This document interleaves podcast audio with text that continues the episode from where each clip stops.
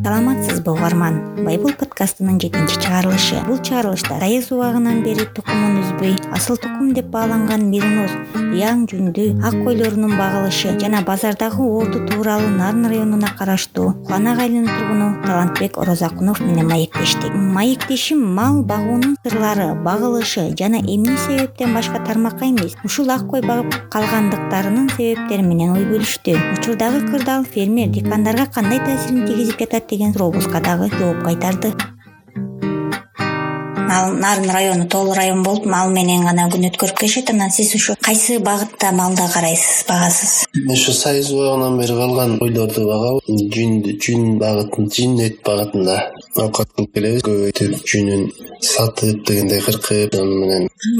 Эт багытында койду атпайсызбы ушуга кандай талаптар менен багылат? Кадимкидей эле койлордой багылабы же өзгөчө кичине э, өзүнчө кароо керекпи бул кароосу ошо өзүнүн маалында дарылап өз маалында жайытка кетирип ошонун немеси менен эле ирети менен эле бакса эле жакшы болот мисалы чөл убагында жылуу жерге багыш керек. Күн жылууда туудурабыз апрелдин онунан баштап э, майдын он он бешине чейин ушу бир айда тууп бүтөт жылуу жерге кармалат козулары бир жума он күнгө чейин. Андан кийин эне менен кетет. Булар аябай назик болот да. Териси жука козу кезинде анан жүнү жок жүнү жок болот да такыр ошон үчүн жакшы жылуу кармап багыш керек. Бир жума он күндө эле коз тыңыйт. Андан кийин энесине ээрчип кетет. Жайытка кой деп атпайсызбы анан ушу кочкорлорун кандай жок биз кочкорлорду сатып элебиз эки жактан көлдөн таластан үйдөн дегендей.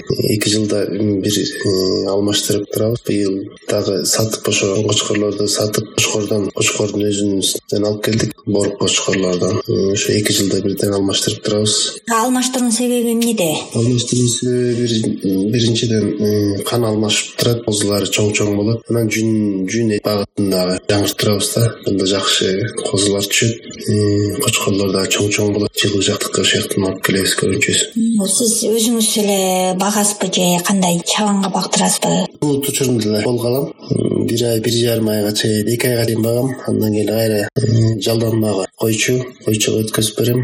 Күзгө чейин багып келет күзүндө белдик жеткенде ошо ноябрдын онунда ноябрдын башында кочкор кошобуз кайра эле кыштоого кетиребиз. Кыштоодо төрт ай кыштоодо болот баш өрөөнүндө. Айыз убагына бизге кыштоо тийген ошол кыштоого барып азыркы учурга чейин кыштап келебиз ошол жактан. Бул койлорго кыштоого кетиргенин себеби да бар колго алып калып чөп жем бербей. Жайыт менен чыгат кышында кыштоо жазында жазтоо сакмал учурунда жазтоодо эле өтөт жайкысын жайлоого кетет. Почти что круглый год бир жыл бою колдон чөп жем жебейт жайыт менен эле бир э, өзүнүн актайт да. Жүн багытында деп атпайсызбы жүн канча вес берет бир кой биздики эми баягы жайыт жайдыргычта жайытта жүргөн үчүн баягы колго багып чөп жем бергендиктен кичине жеңилирээк болот. Биздики бир чоң койлоруң үч кил үч жарым килге чейин токтубоордорун эки эки жарымга чейин берет. Кочкорлор бар кочкорлор э, алты жети килограмм берет жөн эле андан дагы жогору бериши керек. Бар чоңойгондо берет кочкорду багуу этаптары жолдору кандай болот. Кочкорду кочкорчу чыгат кошуна айылдарда учкунда. Күнгө алып барып кошуп беребиз. Ушу майдын жыйырмаларында сентябрь октябрда октябрга чейин багып келип кетет октябрда алабыз колго. Андан кийин байлоого кийиребиз ноябрга чейин бир ай. Ошондо ноябрда кошобуз. Бир ай кошобуз колго кайра эле колго алып келип декабрда байлоого кийиребиз ошол боюнча кийинки жылга чейин байлоодо турат. Жалданма чабан деп атпайсызбы ушул жалданма чабандарды тандап аласызбы? Же кандай? Же чабандар өздөрү келеби чабан дагы өзүбүз тандап алабыз кээ бир чабандар бар. Койдун башын санап эле эптеп күн өткөзүп акча алыш керек. Кээ бир жакшы чабандар бар. Койду семиз кармашат толук кармашат түгөл кармашат семиз малың жакшы дагы жүн берет жакшы дагы төл берет. Сатсаң дагы жакшы баа болот. Өзүбүз жесек дагы жакшы семиз болот берекелүү болот дегендей. Багытында деп атпайсызбы? Анан бир кой канча эт бериши керек бир биздики азыр эми средний жыйырма эки жыйырма үч килограмм койлор берет. Ириктер берет отуз килограммга чейин. Козулар он беш ондон он эки он үчтөн жогору он бешке чейин берет. Биздики кечирээк туулат апрелдин башынан баштап онунан баштап козуларыбыз кичире болот кийинки жылы чоңоет да эми бир жыл өткөндөн кийин чоңоюп калат. Жүн деп атпайсызбы жүн эт багатында макул эт базар баасында кетет. Жүндүн баасы канча болот? Жүндүн баасы жүндүн баасы боюнча жүндүн баасы негизи ортомчулар эле орто жолдон көрүп кетип атышат да. Негизи мамлекет жүн кабыл алуу куруп бар негизи токмок шаарында. Ошону эле иштетип ишке киргизсе түз алып барып өткөзсөк ошондо жакшы баа болор эле да. Булар ортомчулар аркылуу алып эле колдон колго өтүп э, саткан баабызга ыраазы болбой калабыз да. Ошол жери бар мамлекет мал чарбачылыгын колдоп издейт колдобосо эле ушул жүнүбүз менен этибизди жакшы баада өткөзүп берсе колдогон эле ушул эле. Андай жок. Ортомчулар аркылуу кетип калат. Жүнүбүз арзан кетип калат. Эсеп менен жылына канча сом менен кетет? Жылда жүз сом жүз элүү сом жүз жетимиш сомго чейин чыгып жүрөт эми ошол деле бир жүз элүү жүз алтымыш жүз жетимиштин тегерегинде болсо актайт эле да. Жүз сом деле жаман эмес эми. Ошол деле бирок кичине эмерээк болуп калат да. Арзаныраак ортомчулар ушинтип эле пайда көрүп атат. Жүн атпайсызбы анан жүндүн э, ушул жүндөн кандай продукциялар чыгат ак койдун жүнүнөн бул негизи кийим токушат көбүнчөсү кездеме токушат. Бул экспортко кетет көбүнчөсү бизден алып эле бизде иштеткендер аз эле кыргызстанда. Экспортко жөнөтүшөт кытайга жөнөтүшөт калп жасагандар кийиз жасагандар боз үйдүн кийизин жасагандар. Алып аз аз иштетишет башкасы экспортко кытайга кетет. Могу сиз ак кой деп атпайсызбы? Ал эми кара койдун жүнү кандай болот? Кара койдун жүнү эми ал иштеткен бизде эмелер жок. Аз аз аз эле. Майда чүйдө эле иштетип эметишет алардыкы он беш сомдон он сомдон эң жакшысы жыйырма сом жыйырма беш сомго чейин эле чыгат андан башка актабайт деле албайт деле кээде жети сегиз сом деп дагы албай коюшат ак койдун кыркылышы да кыйын. Аябай эттенгенден кийин анан кыркып эметпесе ал быяктан кыркы албайт азыр. Бул ак койлор кандай кыркылат? Булар жанагы өзүнүн машинкасы бар машинка менен кырктырам жакшы кыркышат аябай кеспей таза аябай жакшы кыркып беришет кыркынчылар бар. Аларга дагы акчасын төлөп берип кырктырабыз жылына бир жолу. Ушул ак койду. Дагы эле багууга кандай шарттарды мындай түзүш керекпи же муну жанагы баалары төмөн болсо кереги жок беле баккандан? Баалары өтө төмөн болуп калса деле келбейт чыгымды эсептесеңчи бирок биздики ушул жайыт менен жүрүп өзүн актап кетет да колдон чөп жебегендиги үчүн жем чөп жебегендиги үчүн ошон үчүн актап кетет биздики. Колдон келсе жайытка көбүрөөк кыштоого кетирсе кышкысын жазгысын жазоого жайлоого кетирсе актайт. Актатканда ошо койчудан зависить этет. Жакшы этти багып келсе сиз жанагы козуларды он күн он беш күн колго кармайм деп атпайсызбы кармаш керек деп жана кандай э, мисалы жаңы туулгандан баштап? Бул жерден эми ошо жылуу жерге эле кармаш керек. Кургак жылуу жерге. Колдон келсе энесинен э, ажыратпаш керек. Ушул маалында куйругун кесип течүүсүн биттеп ээн салуучусун ээн салып азыр ушу жайытка чыга электе номур басабыз номурларын басып кароо эле ал ушул жерден эле кородон беш күн он күндүн ичинде бүтүрүп эле жайытка чыгарабыз. Жана сиз куйрук кесип анан биттеп деп атпайсызбы атайын ветеринардын кызматын колдоносузбу жок мурун ошо сайызбагын атайын ветеринардын эмесин колдончубуз кызматын. Азыр болсо эми баарыбыздын эле кесибибиз ушу бирдей эле болуп калды окшойт ветеринар да болуп калдык. Чабан да болуп калдык дегендей өзүбүз эле бичип эле өзүбүз эле куйруктарын кесип эле өзүбүз эле дарылап эле.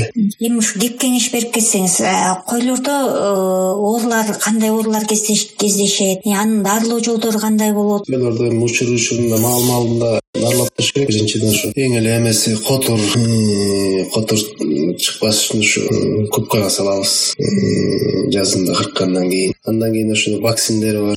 Вакциндер бруцеллездин вакцинин жүргүзүп турушат вет врачтар өзүлөрү күл деген оору чыгат. Анын вакциндери бар ошолорду жүргүзүп турабыз. Дагы ушундай ушундай оорулар бар ошолорду вакцин өз учурунда сайып турса эле таза короону биринчиден ошо короону жакшы таза кармаш керек да. Кой жаткан жерин таза кармап маалында салып турса эле кой оору сыркоодон алысыраак болот. Кой багам дегендерге кандай кеңеш бере аласыз кой багам дегендерге кеңешим эми. Койчу биринчиден ушу койчудан зависить этет да. Малды жакшы кишиге бериш керек ошо эттүү толук багып келсе ооруган дары дармегин алып берсе өз учурунда майда чүйдө чыгат. Ошолордун өз учурунда дарылап койсо азыр учурдагы кырдаал ошо фермерлерге кандай таасирин тийгизип жатат азыр учурда ушул республика боюнча карантин болуп базарлар иштеген жок. Мисалы мурун ат башы базарына барчу элек жума күнү ушул биздин айылда болчу эле уланак айылында баетов айылында дем алыш күндөрү токмокко алып барчу элек. Алардын баары бүт жабык койчунун акчасын бергенге биртке мал сатчу элек мал өтпөйт карантин деп ошол жагынан кыйналып атабыз. Көчү кону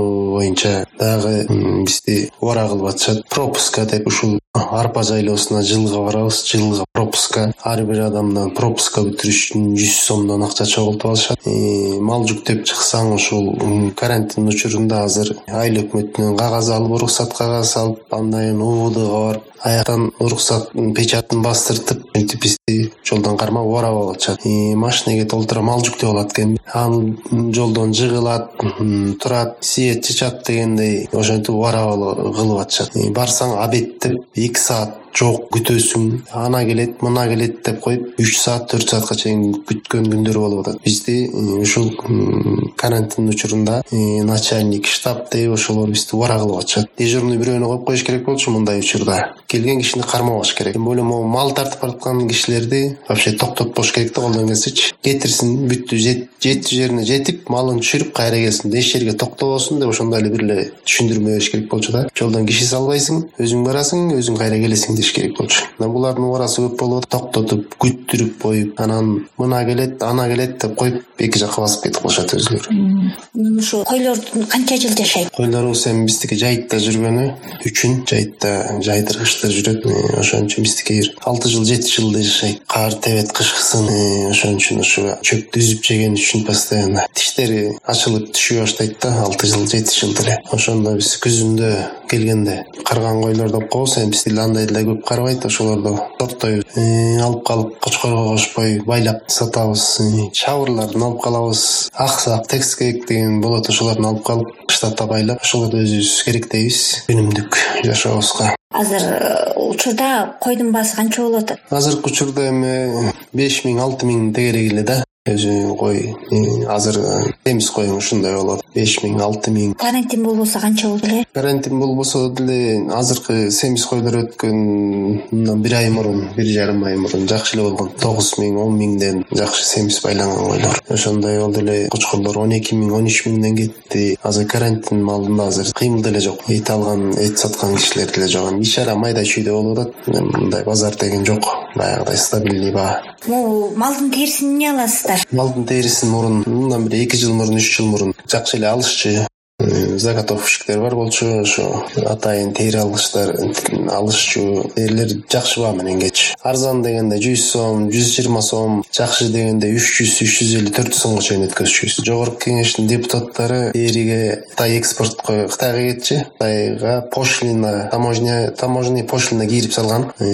Кытайлар тери албай алган бизден. Азыр теринин баары мусордо жатат көчөлөрдө жатат ар кайсы жерде жатат мына шаарды араласаң шаарда жатат мусорный бактарда айылдарга барсаң айылдарда ар кайсы жерде жатат самсалап бизге келтирген бул жогорку кеңештин депутаттарынын зыяны элге келтирген зыяны ушул болду. Биздин терибиз такыр эле өтпөй калды. Мына уйдун терисин дагы албай калышты. Азыр уйдукун жылкыныкын дагы уже албай калып азыр көчөдө жатат. Ар кайсы жерде иттер сүйрөп жүрөт самсалап. Ушуну дагы ойлонбой мамлекетке акча түшүрөбүз дейт дагы наоборот элге күч келтирип атышат элди булгап атышат элдин арасын азыр күн жылып калды эми сасый баштайт баягы чымын чумунун баары келип конот оорунун баары чыгат ушундан дагы туура эмес жерлери бар да. Көп бизге элге зыян тийгени ушул мамлекетке пайда алып келебиз деп атып элге зыян келтирип атышат буларчы келечекке койгон максатыңыз кандай? Келечекке койгон максатыбыз эми ушун малды эле көбөйтүп эле эт багытында эме жүн эт багытында. Бизге мясокомбинат ачып берсе жакшы болот эле. Ортомчусу жок базарыга барбай эле ушул биз мясокомбинатка өткөзсөк түз өткөзсөк жакшы болмок. Ак койду көбөйтүп көбөйтөлү деген эле максаттабыз эми келечелекте дагы мындан ары дагы. Көбөйтүп бизде завод фабрика жок башка жумуш жок. Мал менен эле оокат кылып келатабыз айыл жергесинде. Малды эле көбөйтүп эле ушуну менен эле жашап келатабыз